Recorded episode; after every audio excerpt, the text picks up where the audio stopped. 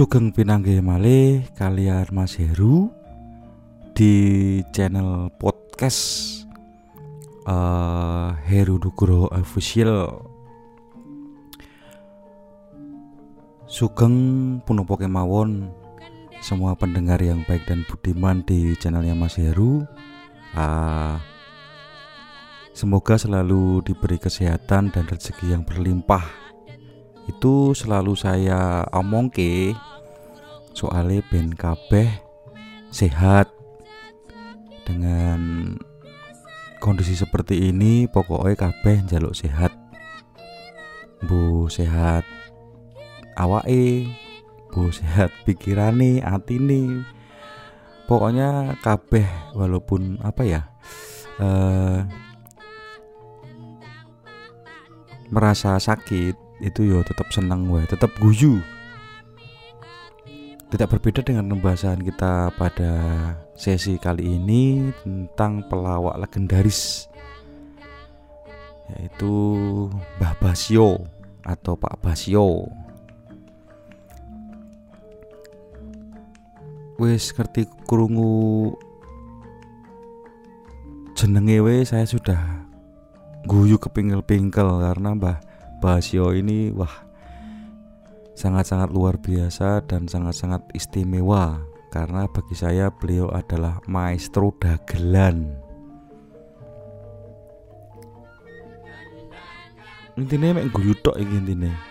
Ya seperti tadi ya ming pokoknya uh, hidup itu kita rasakan tetap tertawa dan tetap semangat intine sehat pikiran karo ini kudu sehat.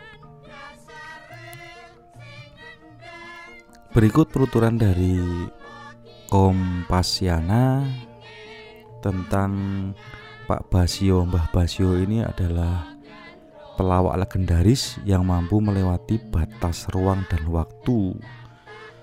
Ditulisnya tanggal 28 Februari 2011 diperbarui tanggal 26 Juni 2015.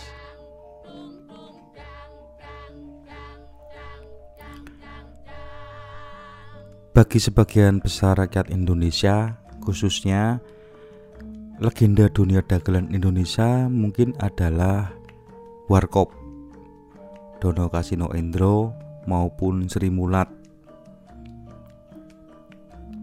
Tapi bagi sebagian golongan tua, terutama orang Jawa, legenda dunia dagelan yang sebenarnya adalah seorang pelawak legendaris asal Yogyakarta yang bernama Basio.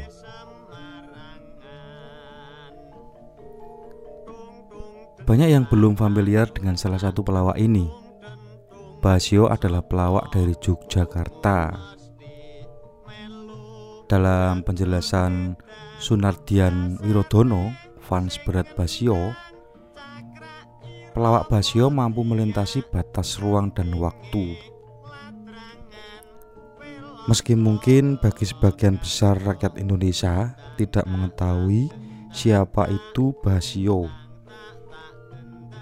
Namun mereka yang berlatar Jawa atau Mataram relatif mengenalnya. Pak Basio ini oh, sekarang-sekarang ini dijuluki sama masyarakat pada umumnya yang khususnya Jawa ini wong Jawa ini khususnya wong Jogja itu ini bagus juga ini penuturannya. Uh, Basio ini adalah the joke father kalau Didi Kempot kan apa itu namanya untuk nama milenialnya itu adalah the god of galau pak ya yang diberikan masyarakat Indonesia khususnya untuk almarhum Mas Didi Kempot. Tapi untuk Pak Basio ini dinamain The Joke Father. Bapak E Wong Guyu. HP iki. Tak hanya itu, Basio juga selalu bisa menggabungkan musik tradisional Jawa berbasis pangkur jenggleng dengan lawakannya tanpa harus keluar dari jalur lawak. Basio terkenal dengan lawaan yang banyak orang mengistilahkan dengan dagelan Mataram. Dagelan Mataram ini berasal dari Yogyakarta adalah adalah jenis lawaan yang kemudian dipakai oleh Ibu Sri Mulat untuk pergelaran kelilingnya tahun 1940-an yang kemudian dijadikan maskot pertunjukannya yang kemudian dikenal bernama Sri Mulat. Sri Mulat ini perlu pendengar ketahui juga asli berasal dari Surabaya. Karena itu pemain Sri Mulat pada awal-awalnya adalah pelawak dari Yogyakarta. Dialog dalam lawakan Dagelan Mataram menggunakan bahasa Jawa sebagaimana yang kemudian juga dipakai oleh Basio. Sebagian sparing partner dalam lawakannya di antaranya adalah Mbah Darsono, Arjo Kepeng, Ibu Suparmi, dan Ibu Sugiem. Ibu Sugiem ini adalah istri dari Pak Basio serta teman-temannya yang lain. Kebanyakan mereka adalah karyawan RRI Nusantara II Yogyakarta. Sebagaimana kebanyakan dari mereka ditampung oleh pemerintah waktu itu. Di antara karya-karya Pak Basio ini misalnya Becak, Degan Wasiat, Kapusan, Kibir Kejungkir, Maling Kuntrang Kantring, Gatut Koco Gandrung, Besanan, dan masih beberapa lagi lainnya. Semuanya mencapai lebih dari seratusan judul kaset Beliau bukan hanya pelawak, melainkan juga berhasil mempopulerkan jenis gending pangkur jenggleng, yakni cara menyanyi atau nembang, nembang Jowo yang bisa diselingi dengan lawaan tanpa kehilangan irama dari tembang yang sedang dibawakan. Cara memukul gamelan pun tidak lazim karena lebih mengandalkan kendang sebagai dirjen. Untuk akhirnya pada ketukan atau birama terakhir dipakai sebagai waktu untuk memukul semua alat musik perkusi terutama saron. Sekeras-kerasnya meski menggunakan bahasa Jawa dan produk lama nama Basio muncul kembali. Jadi di Pangkur Jenggleng ini uh, pas jenggleng jenggleng itu uh, mukulnya keras banget. Jeleng gitu itu namanya jadi sebuah tembang yang sebuah tembang pangkur yang dijengglengke tapi kayak kalau di pewayangan-pewayangan wayang kulit seperti uh, capeng gunung uh, request dari pendengar atau penonton itu biasanya capeng gunung yang jenggleng Tidak peduli orang tua, orang muda, orang kota, orang desa, orang berpendidikan dan tidak, Basio dipercaya meninggal dalam usia 70-an yakni pada tahun 1984. Jadi kira-kira beliau kelahiran 1910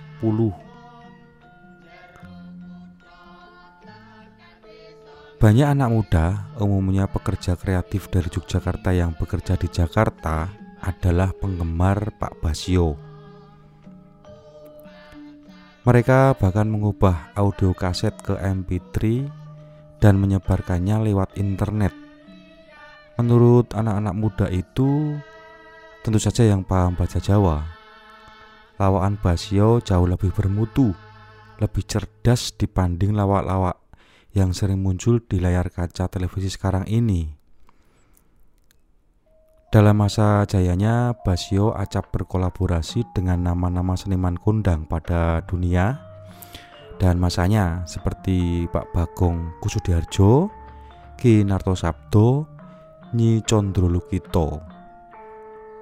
Beberapa pengagumnya seperti budayawan Umar Kayam, pelukis Avandi, sastrawan Arswendo Atmowiloto memuja Basio sebagai pelawak yang cerdas, memiliki daya spontanitas dan nalar yang jernih. Hasil karya Basio pada umumnya diterbitkan oleh perusahaan rekaman Fajar Borobudur Record, ada juga Ira Record. Semuanya di bertempat di Semarang. Mesti ada juga yang direkam oleh Lokananta. Eh, Lokananta ini di Solo. Informasi mengenai perusahaan rekaman ini masih bisa masih belum didapatkan. Jadi Pak Basio ini uh, the legend of the joke father jadi istilahnya apa yo nek ngrungokke apa uh, mendengarkan kaset-kaset beliau yang uh, maling kontrang kantring itu adalah salah satu favorit saya maling kontrang kantring ini emang super super lucu super super apa ya spontanitas yang dipertunjukkan di uh, rekaman radio pada saat itu. Dan saya jadi ingat ini tentang filmnya dari Dinas Kebudayaan Jogja itu tentang apa? Filmnya Mas Gentong ya. E, filmnya Dap Gentong ini tentang Basio Barang Kahanan. Nanti bisa dicari di YouTube-nya e, ditulis aja diketik aja di di apa? Di search gitu Basio Barang Kahanan. Di situ uh, jelas diceritakan bahwa semua biografi dari Pak Basio dari pertama beliau melawak di RRI sampai uh, munculnya judul maling kontrang kantring ini lucu saya itu ada momen yang ketika Pak Basio itu uh, tidur tiduran di salah satu studio RRI dekat istilahnya nek turun delik nenggon gong sama nenggon kempul itu nenggon apa di tempatnya situ tiduran gitu terus tiba-tiba digugah sama ini sama pemimpin rekornya kalau digugah bah bah pak pak pak Basio uh, niki sampun sampun badai rekaman kemudian pak Basio bangun dari tidur oh iya iya oh, oh, oh iya kekapan Nggih niki Mbah. Terus niki mengke rekamanipun badhe judulnya napa Mbah?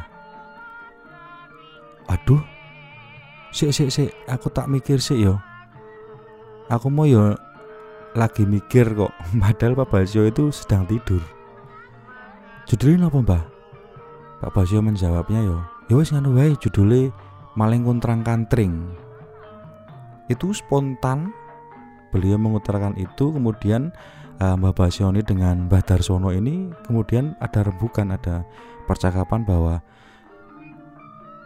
uh, Mbah Dar kowe kudu ngene ngene ngene iki sing penting iki malinge ngene ngene iki. Nah itu terjadi jadi kesepakatan secara mendadak jadi spontan pada saat mau dimulai rekaman di RRI kemudian terciptalah uh, karya Maling Kontrang Kantring itu ya.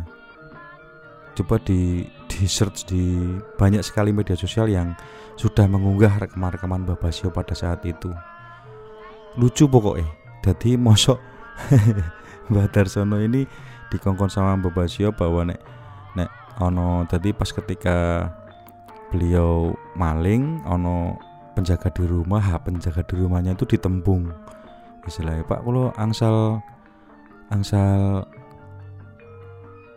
maling teriki boten dadak nembung boso tadi itu semacam koyok lucu. Padahal ya Pak Basio nek dilihat dari ekspresinya yang ku mangkal banget karo kancane iku sing kancane iki petuk jadi itu sekilas uh, tadi uh, uh, podcast yang saya utarakan tadi tentang dari sumbernya dari Kompasiana yang mengupas tentang Pak Basio ini adalah uh, pelawak yang dari masa ke masa. Jadi the, the legend of pelawak beliau itu.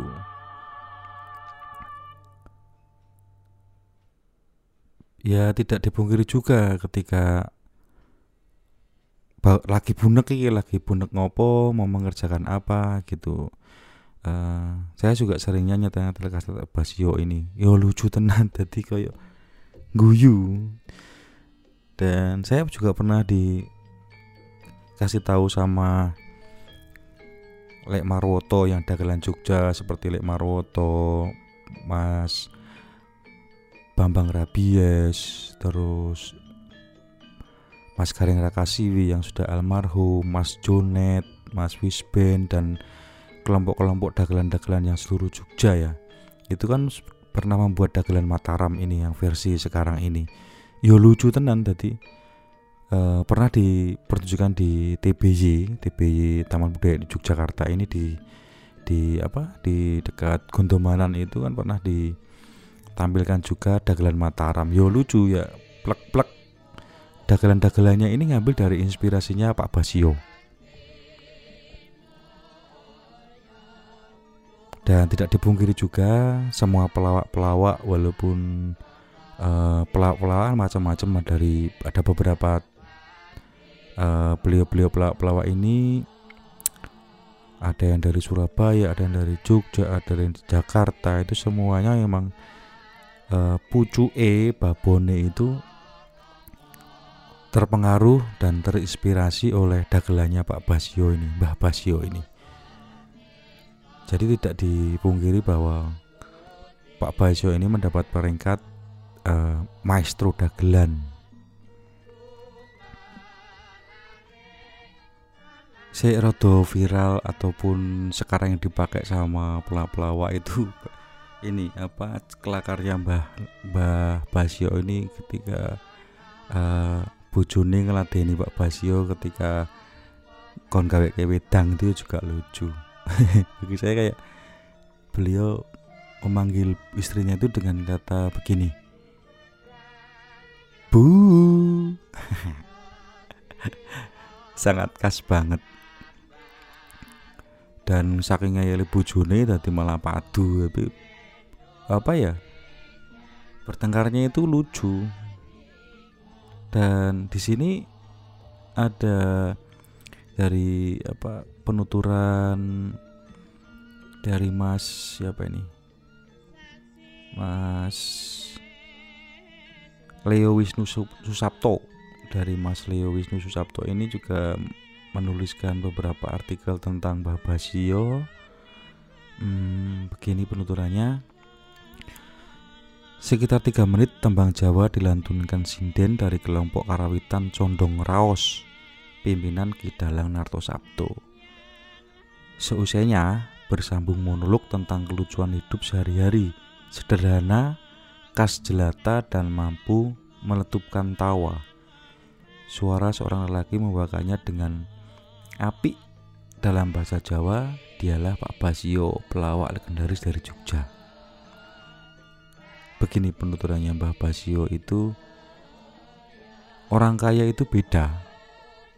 Pagi hari pasti sudah masak Goreng ikan teri Wanginya sampai tercium tetangga. Nah, yang miskin seperti saya Tinggal menghirup aromanya saja sudah menunggu.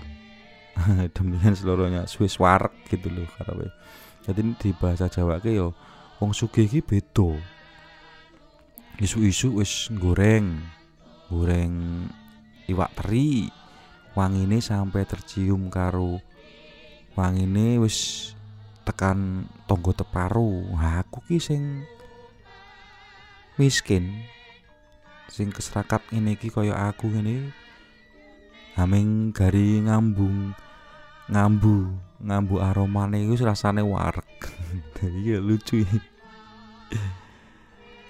lalu pada saat yang lain dia berkelakar. Susah jadi pelawak. Kalau ada kematian tidak diundang takut yang mati jadi tertawa.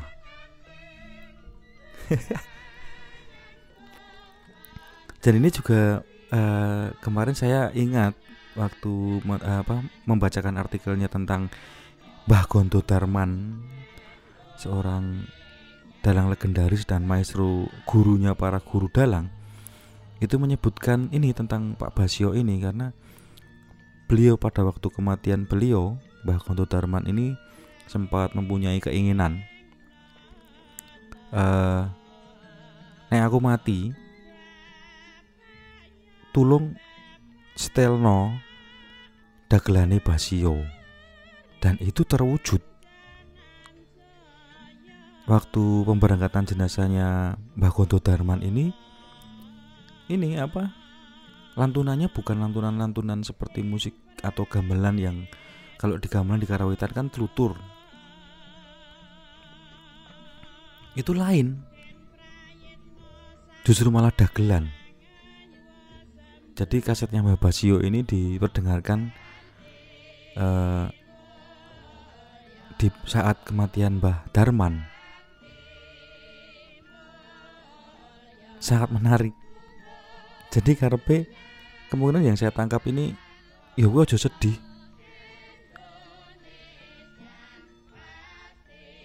Wong mati ki wis ginaris. Ning gue aja sedih. Ayo to, seneng to. Begitu mungkin.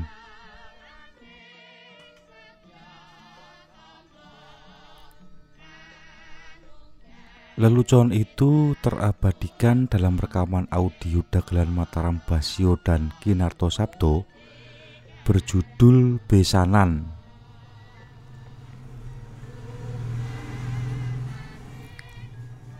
Kemasan awalnya berupa kaset dibuat pada era 1970-an rentang dekade yang sama dengan masa Basio berpulang.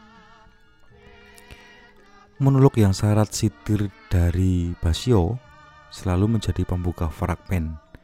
Kelaziman itu terdapat pada hampir semua rekaman dagelan Mataram yang menampilkannya. Usai gergeran monolog berdurasi panjang, dagelan Mataram berlanjut dengan dialog. Pemain lain masuk, seperti pola tepatnya. Saat dagel berbarengan pun, Basio tetap piawai mengocok perut pada satu lakon, beliau berperan sebagai tukang becak.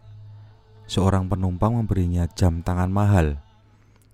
Basio lantas memamerkan kepada penumpang lain. Begini kelakarnya, jam ini mahal.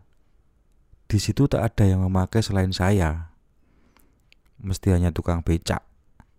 Sampean saja tak pakai jam sebagus ini. Jam ini istimewa, beda dengan jam lain, lanjut Basio. Istimewa? Apa karena mahal, Pak? Tanya si penumpang. Itu pasti. Tapi lebih istimewa lagi, sejak saya pakai jarum jam tangan ini tak pernah bergerak dari angka 9. Jawab Basio lugu. Suara gelak tertawa terdengar dalam rekaman menertawakan Basio yang menyombongkan arlojinya mati. Basio juga tangas menangkis, tangkas, tangkas menangkis lemparan lelucon dari lawan mainnya. Tentu saja dengan tetap jenaka. Pada satu penggal fragmen, beliau gesit mengolah kelucuan dari satu pembicaraan biasa yakni ketika Basio berperan sebagai seorang bapak yang dilarang anaknya untuk melayat tetangganya. Bapak jangan melayat ya. Bapak sudah sepuh. Khawatir setelah melawat nanti bapak ganti menyusul, kata si anak. Dilarang ya tidak apa-apa. Tapi sebenarnya aku sudah memilih hari meninggal, yaitu saat Selasa Kliwon, timpal Basio. Lah, kok serem pilih hari meninggalnya pak? Tanya si anak. Yo, biar nanti mimpimu serem, jawab Basio. Begitulah Basio. Dalam setiap penampilannya, kerap mengandalkan spontanitas saat menuluk maupun dialog kerangka cerita hanya dipaparkan secara lisan sebelum dagelan Mataram berlangsung. Tak ada naskah, tak ada skenario, semuanya mengalir. Di sebuah film dokumenter yang tadi saya utarakan di depan tadi yang penggarapnya adalah Dap Gentong atau Mas Gentong ini sutradaranya adalah Trianto Gentong Hapsoro berjudul Basio Barang Kahanan. Produksi tahun 2015 membabar lawaan Basio. Di dalamnya Harto putra dari Basio mengutarakan menuluk Basio memuat ngudoroso atau curhat itu ciri khas bapak untuk membuka sandiwara curhat tentang pengalaman pribadi untuk autokritik maupun ditertawakan sendiri. Urai dari uraian dari uh, Pak siapa ini? Putra dari Pak Basio ini. Lawaan Basio tergolong cerdas lucunya tidak saru dalam setiap tampilan dagelan Mataram Basio selalu unik jadi tokoh yang ngayal tapi lucu Demikian pendapat Sumaryono, seorang yang meneliti Basio untuk tesis pada program studi sastra di Universitas Gajah Mada atau UGM Yogyakarta. Hingga kini Basio juga dikenang karena pangkur jenggleng. Salah satu seni mengiringi lawaan dengan gending Jawa. Di dalamnya Basio bersenandung lalu menyelingi dengan lelucon tanpa harus keluar dari irama tembang. Budi Santoso dalam jurnal bertajuk Pangkur Jenggleng sebagai media komunikasi di TVRI Jogja menguraikan Basio mengenalkan seni ini sejak tahun 1963. Saat itu hanya lewat suara saja yang disiarkan Radio Republik Indonesia Yogyakarta. Lawakan yang dikemas dengan pangkur jenggleng itu kemudian menarik perhatian kalayak. Banyak yang lantas menyukai pertunjukan Basio. Pangkur jenggleng pun melejit apalagi setelah Basio berkolaborasi dengan kelompok karawitan Condong Raos yang dipimpin oleh Ki Dalang Narto Sabto mempopulerkannya melalui pita kaset Penggemar condong raos yang bertebaran di Yogyakarta serta Jawa Tengah bersatu dengan menyukai Basio. Lengkap sudah. Pesona Basio kian bersinar sampai-sampai RRI Yogyakarta menyertakannya sebagai penutup di satu program RRI bernama Uyon Monosuko. Tak terkecuali dengan Bapak Amin Rais Tokoh yang pada kemudian hari menjabat ketua MPR RI menggemari pula pangkur jenggleng ala Basio. Beliau mengoleksi kaset pelawak itu. Suatu kali digagasnya pengemasan pangkur jenggleng dalam bentuk audiovisual. TVRI Yogyakarta pun digandeng. Namun acara tersebut tertayang mulai tahun 2002 jauh hari sesudah Basio tiada namanya pangkur eh namanya ini pangkur jenggleng ayem ayem. Penerus Basio King Abdul almarhum. Menjadi ikon dalam acara itu. Setelah Pak Ngabdul tiada pada 2013 acara itu tetap berlanjut. Pangkur jenggleng ayem-ayem menjadi pertunjukan seni yang menarik. Tempat pentas ditata seperti padepokan Para seniman yang terlibat dibaluti pakaian tradisional mulai dari aneka jarik dan kebaya beragam motif beskap lengkap dengan gelung berkundi untuk pemain wanita serta belangkon di kepala pemain pria semua lekat budaya Jawa. Humorgrafi Basio The Joke Father ini ratusan rekaman dagelan Mataram yang semula dikemas kaset lantas dimodifikasi dalam beragam bentuk produk audio lain seperti panggung jeng, pangkur jenggleng, popok wewe, basio kapusan, basio becak, basio belantik, maling kontrang kantring. Itu adalah the best of the best. Lucunya apa ya? Kaset rekaman yang uh, pokoknya the best, yang terbaik. Oke lanjut uh, di ini uh, artikelnya dari Mas Leo ini tentang Pak Basio adalah tak lucu saat di rumah. Meski jadi seniman lawak, menurut Harto anaknya, ayahnya tak lucu saat di rumah dan tidak pernah berguru dengan siapa pun ujarnya. Semasa awal berumah tangga, ekonomi keluarga Basio jauh dari mapan. Rumahnya di daerah Patuk, Yogyakarta, hanya berdinding anyaman bambu. orang Jawa lazim orang Jawa lazim menyebutnya gedek. Rumah itu juga sekaligus menjadi tobong atau panggung ketoprak berbayar tempat kelompoknya bermain. Nafkahnya bersumber dari pendapatan pentas.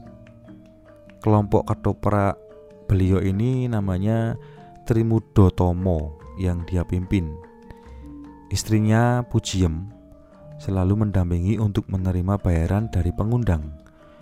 Uang yang didapatkan langsung dibagi habis kepada seluruh yang terlibat. Sedikit harus diterima, diberi lebih harus disyukuri. Demikian semboyan istri Basio. Dia juga menjadi pengisi suara dagelan yang direkam Basio. Susah payah hidup Pak Basio juga diperagakan dalam film dokumenter Basio Barang Kahanan yang mengambil latar waktu sejak 1965 hingga saat beliau tutup usia. Digambarkan di sana Basio dan istri harus mengenakan andong atau dokar menuju tempat pentas ketoprak. Tak pelak, malam hari saat pulang ke rumahnya, jalan gelap tanpa lampu penerangan harus disusur. Saat itu dia sudah bekerja di RRI Yogyakarta, namun bukan untuk mengisi suara sebagai tokoh tertentu dalam ketoprak, melainkan menjadi pengisi suara latar seperti lolongan serigala. Kadang beliau mesti memukul black atau seng untuk membuat efek suara petir atau menirukan suara tawa buto ijo.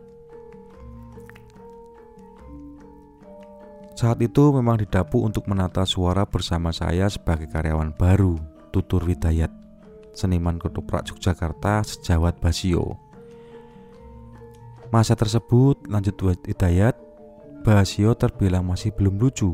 Lawaannya kalah kocak dibanding seniman ketoprak lain seperti Togen atau Jayeng Dikoro. Kesempatan tampil Basio terbuka karena ide dari Kanjeng Raden Tumenggung Wasito Dipuro KRT Wasito Dipuro Beliau ini adalah seniman karawitan Yogyakarta. Agar acara Uyon-Uyon Monosuko RRI ditutup dengan pangkur jengkleng, Basio dinilai orang yang tepat untuk acara tersebut. Acara itu disiarkan pada jam 7 pagi. Basio pun kian luas dikenal kalayak. Pak Harto putranya dari Pak Basio ini menguraikan Ayahnya bukan orang yang senang berleha-leha ketika sudah berada di puncak ketenaran. Basio sadar hanya dengan bekerja keras dan mensyukuri akan membuat hidup tak sia-sia. Keluh kesah pun jauh dari keseharian Basio. Bahkan saat rumah dan tobongnya digusur pemerintah Yogyakarta sekitar tahun 1976, kawasan tersebut hendak dibangun pasar Basio pun rela pindah ke kampung Sutodirjan, kurang dari 3 km arah barat daya Malioboro. Namun penggusuran itu dikeluhkan oleh pemain ketoprak yang dia pimpin. Tapi Basio sel selalu menanggapinya dengan baik bijak. Hidup itu harus bergerak kalau mau berubah. Demikian Harto mengingat pesan bapaknya. Mesti jalan seni Basio terbilang terang, tetapi beliau tak ingin Harto mengikuti jejaknya. Menurut Basio, jadi seniman itu hidup susah. Cukup bapak saja yang seperti ini untuk hidupi kamu, ungkap Harto mengingat wejangan bapak. Wejangan Pak Basio. Saat rumah digusur, Ura Widayat, Basio sudah merekam dagelan. Beliau mengingat kesempatan itu datang pada tahun 1972. Rekaman banyak dilakukan di Semarang ketimbang di Yogyakarta, tempatnya di kediaman Ki Narto Sabdo. Tapi tempatnya terbanyak di studio rekaman Fajar milik Koh Cuyong Imbu Fitayat. Jika di Yogyakarta, rekaman dilangsungkan di Museum Tegalrejo atau kediaman Pangeran Diponegoro. Ide cerita dalam rekaman Dagelan Basio berisi ikhwal sehari-hari. Peristiwa dan tokoh-tokohnya pun nyata seperti rekaman Dagelan Basio Becak. Kisahnya tentang pengemudi becak langganan Basio saat berangkat kerja ke RRI Yogyakarta yang ngeyelan. Dia suka meremehkan penumpang, bahkan pada langganan sekalipun. Menurut Anjarwani, seniman ketoprak Yogyakarta, kawan main basio yang paling seru adalah Darsono, Mbah Darsono. Keduanya sama-sama lucu, padahal saat itu mereka berdua memang sedang berkonflik. Di luar panggung, keduanya lama tak bertegur sapa, namun mereka disatukan dalam rekaman Maling Kuntrang Kantring itu karena anak putri Pak Basio pacaran dengan putranya Pak Darsono. Menurut Pak Bas, anak dari pemain ketoprak masa depannya susah kalau berpacaran dengan anak sesama pemain ketoprak. Kenang Anjarwani. Bagi Basio, totalitas melawak adalah keharusan.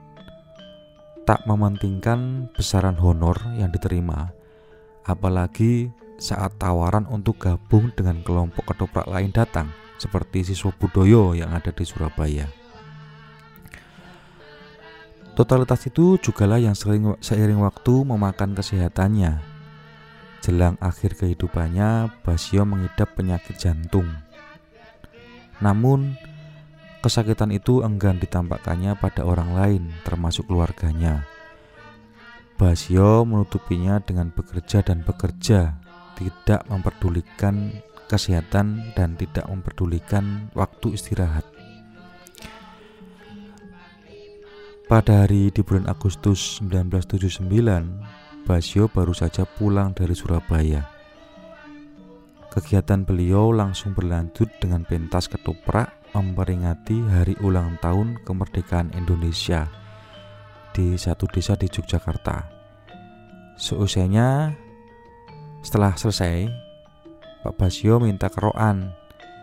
Beliau merasa tak enak badan, Pujiem pun menuruti.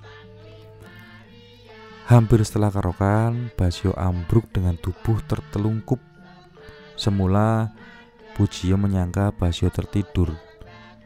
Namun lama-kelamaan beliau curiga sebab tak muncul tanggapan saat suaminya ditanya.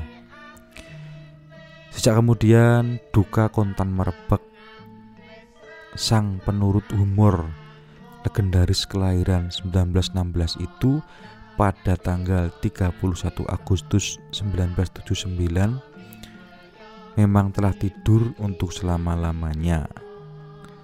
Penulis Leo Wisnu Susapto. Eh, Gonjuk Tungo Kagem Mbah Basio yang sudah uh, memberikan jasanya dan sebagai pahlawan jasa di khususnya di Indonesia beliau ini adalah maestro dagelan. Kunjuk dongo kagem beliau swargo luko selalu diampuni segala dosa-dosanya uh, manjing wonten ing swargo Tundo Songo Kasuargan logo Mbah Panjenengan dagelan terbaik yang dimiliki oleh Indonesia.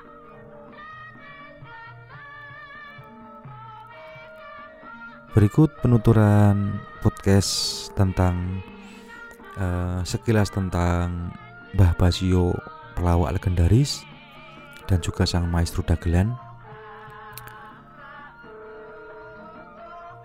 Kembali lagi ke channelnya Mas Heru Nuguro Official. Semoga dengan biografi beliau dengan penuturan singkat tentang Pak Basio ini dapat menjadi manfaat dan hiburan untuk mengingat eh, jasa-jasa uh, dan karya-karya beliau di dunia hiburan. Terima kasih kepada seluruh pendengar yang baik di podcastnya Mas Heru. Uh, Bila ada kata yang salah dari saya, mohon maaf. Bila ada yang salah dalam mengucapkannya, mohon maaf karena ini hanya bersifat uh, hiburan dan bersifat untuk uh, perenungan gimana nanti akan menurut saya akan timbul dan akan berkembang dagelan-dagelan muda yang mengikuti jejak Pak Basio. Semoga selalu semangat dan selalu uh, prihatin dalam belajar karena jadi dagelan ki wangel.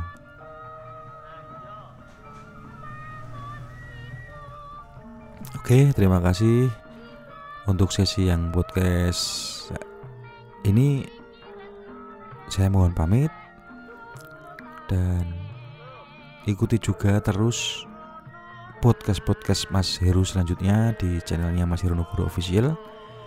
Semoga selalu bermanfaat dan menghibur. Salam budaya, salam rahayu, sembah nuwun, sembah nuwun, matur nuwun.